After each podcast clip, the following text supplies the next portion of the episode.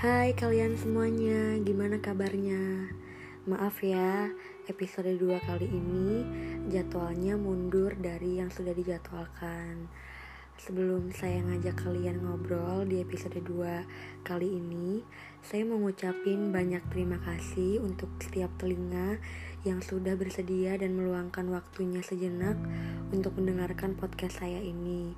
Saya juga ingin berterima kasih karena kalian sudah mau kepo sama isi podcast saya dan sebuah kehormatan karena saya dapat memiliki waktu kalian untuk 8 sampai 15 menit ke depan mungkin. Sebenarnya saya nggak tahu apa yang mau saya omongin kali ini karena saya nggak sempat nulis naskahnya untuk episode kali ini. Karena kalau boleh saya singgung uh, di episode 2 hari ini saya mau sedikit bahas tentang egois dan gengsi. Apa sih yang pertama kali muncul di benak kalian kalau kalian dengar kata egois dan gengsi langsung nunjuk diri sendiri atau langsung inget sama seseorang dua pertanyaan yang gak pernah ada habis-habisnya kalau dibahas saya yakin pasti kalian juga hidup di antara orang-orang itu. Kalau enggak, malah saya heran. Berarti kalian gak punya masalah sama sekali dong. Sedangkan manusia terlahir dengan selalu memiliki masalah. Ada aja gitu masalahnya. Kalau kita membahas tentang egois dan gengsi yang ada di pikiran saya, langsung tertuju sama kejadian di akhir tahun 2019 yang lalu. Kejadian di mana kejadian itu benar-benar bikin saya nyesel sampai sekarang. Tentang seseorang sahabat yang saya punya yang udah ngajarin saya tentang artinya kehilangan. Dan pada dasarnya kita baru akan ngerasain kehilangan kalau kita udah benar-benar kehilangan kan dan lewat dia saya saya jadi benar-benar tahu apa itu artinya dan makna dari kehilangan yang sebenarnya tentang betapa pentingnya saling mendengar, bukan siapa yang paling ingin didengar. Dia Loli. Di keluarganya, dia biasa dipanggil Loli. Dia perempuan yang tangguh, yang pertama kali saya kenal lewat UKM Female Voice di kampus saya. Cewek yang suka cerita, yang suka ngelucu, yang gak kenal takut, tapi susah banget saya buat ajak ketawa kalau saya bikin jokes-jokes gitu. Entah kurang lucu atau nggak menarik buat dia saya juga nggak tahu. Entah kenapa saya tuh tipe orang yang susah buat sahabatan sama perempuan atau sama sesama cewek. Tapi sejak hari pertama saya ketemu sama Loli saya bener-bener ngerasa kalau saya sama dia nih kayaknya ngeklop deh. Dan kita sering satu kita sering uh, kita sering punya satu pemikiran yang sama. Dan emang muncul muncul rasa saling kayaknya gue sama dia klop gitu deh. Dan di depan dia juga saya nggak pernah ngerasa jaim saya nggak pernah uh, sok-sokan untuk apa gitu saya selalu jadi saya selalu jadi diri saya sendiri kalau saya ada di depan Loli Waktu di semester 1, saya sama dia gak sekelas. Jadi kita cuman bisa ketemu di satu ruangan yang sama kalau cuman pas ikut UKM aja. Dan sampai kadang saya mikir kalau yang bikin saya semangat buat ikut UKM itu ya cuman karena pengen bareng dia aja. Sampai-sampai saya udah gak tahu deh berapa banyak cerita, berapa banyak curhatan yang udah saya kumpulin di otak saya buat saya ceritain ke dia. Sebenarnya ada satu orang lagi sahabat saya yang udah saya kenal jauh sebelum saya kenal sama Loli dan kita juga ditempatkan di satu kampus yang sama. Cuman untuk kali ini saya pengen banget fokus cerita ke kalian tentang pelajaran apa sih yang Loli kasih ke saya. Definisi malaikat pelindung, sahabat terbaik, sahabat yang paling saya sayang, seorang pemberi semangat yang baik dan support system terbaik semua itu ada di Loli. Orang pertama yang saya hubungin ketika saya ada di posisi paling sedih, orang pertama yang saya pengen bagi cerita kalau saya lagi happy dan seseorang penasihat terbaik kalau udah urusan soal cowok. Dia ahlinya yang selalu marah kalau ada yang jahatin saya atau bikin saya sedih. Kalau saya lagi sedih, kalimat andalan dia selalu begini. Dengan logatnya dan gayanya yang unik, dia selalu bilang, "Udahlah, Mar, hidup cuman sekali. Ya jadi nikmatin aja." Buat saya dia tuh kayak rumah. Rumah saya saat saya ada di kampus. Tempat saya berbagi tawa, berbagi penat, dan masalah-masalah yang lain yang saya miliki saat itu.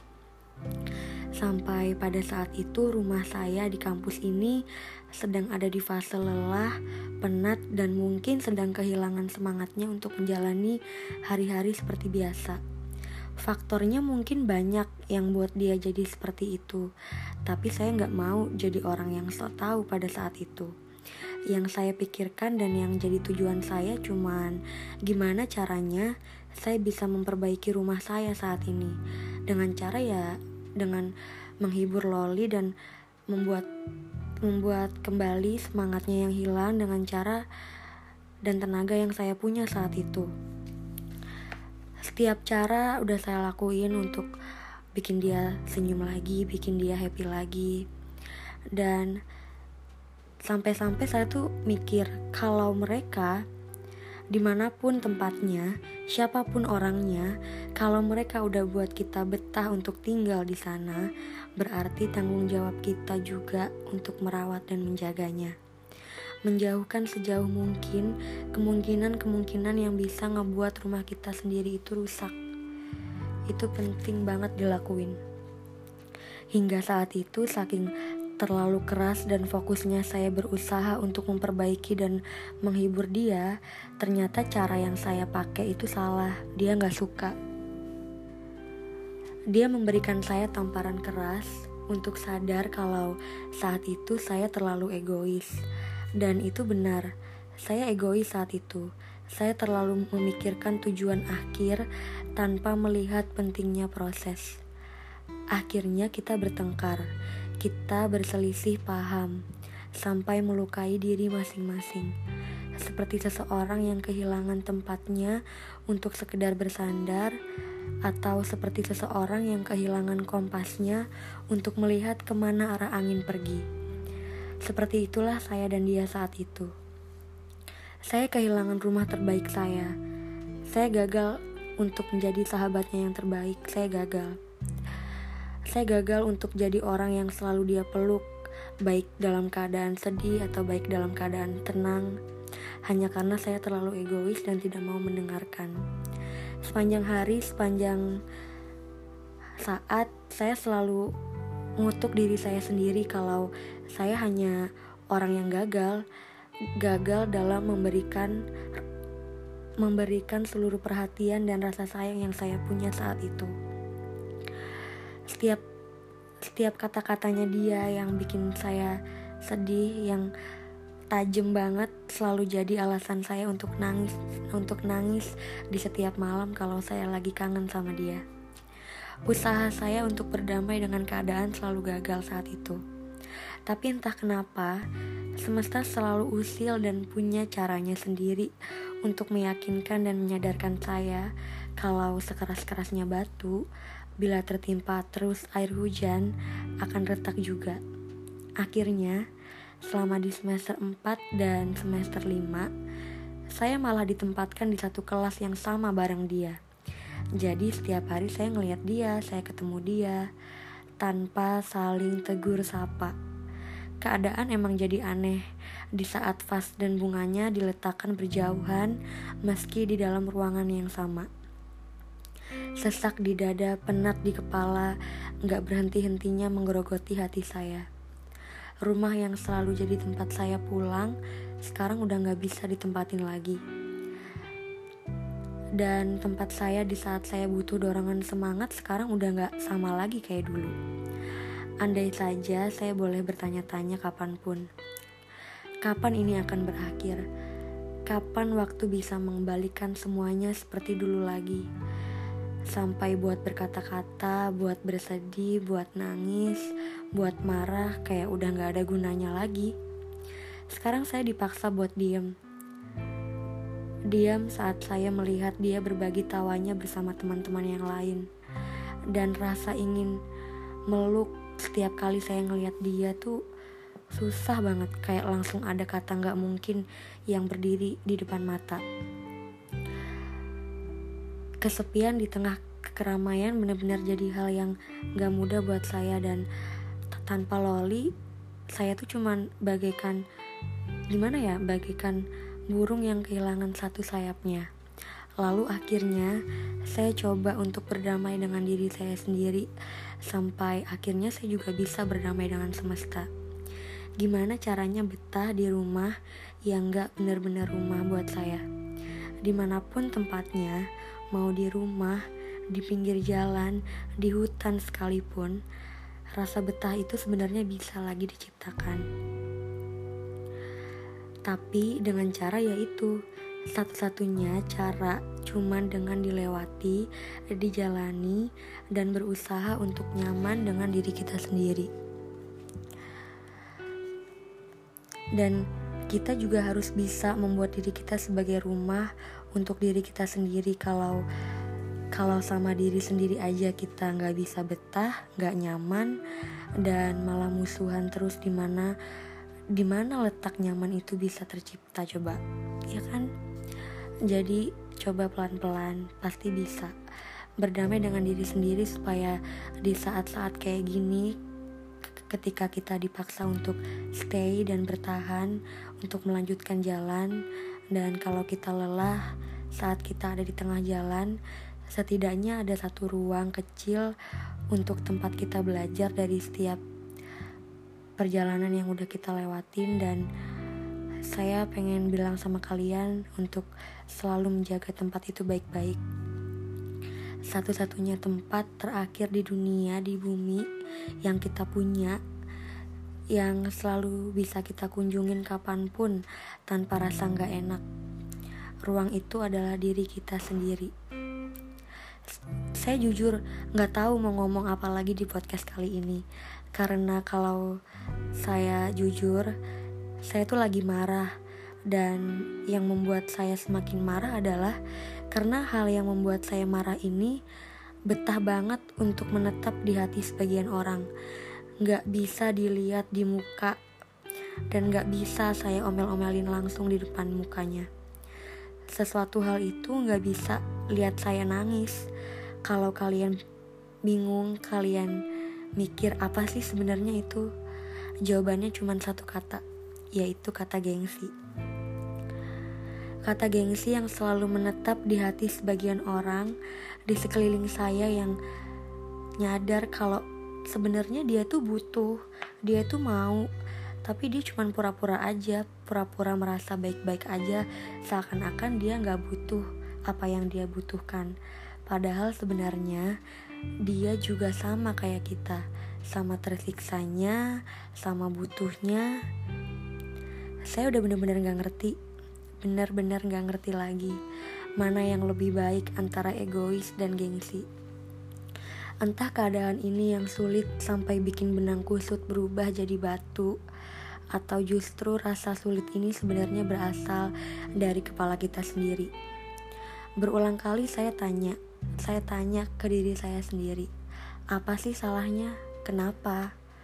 Sampai sekali lagi saya berpikir bahwa keadaan dan situasi seperti ini benar-benar tentang buku pelajaran dan gak ada yang bisa pastiin kita bakal lulus atau enggak sampai kita bisa ngebuat otak dan hati kita sejalan lagi satu arah.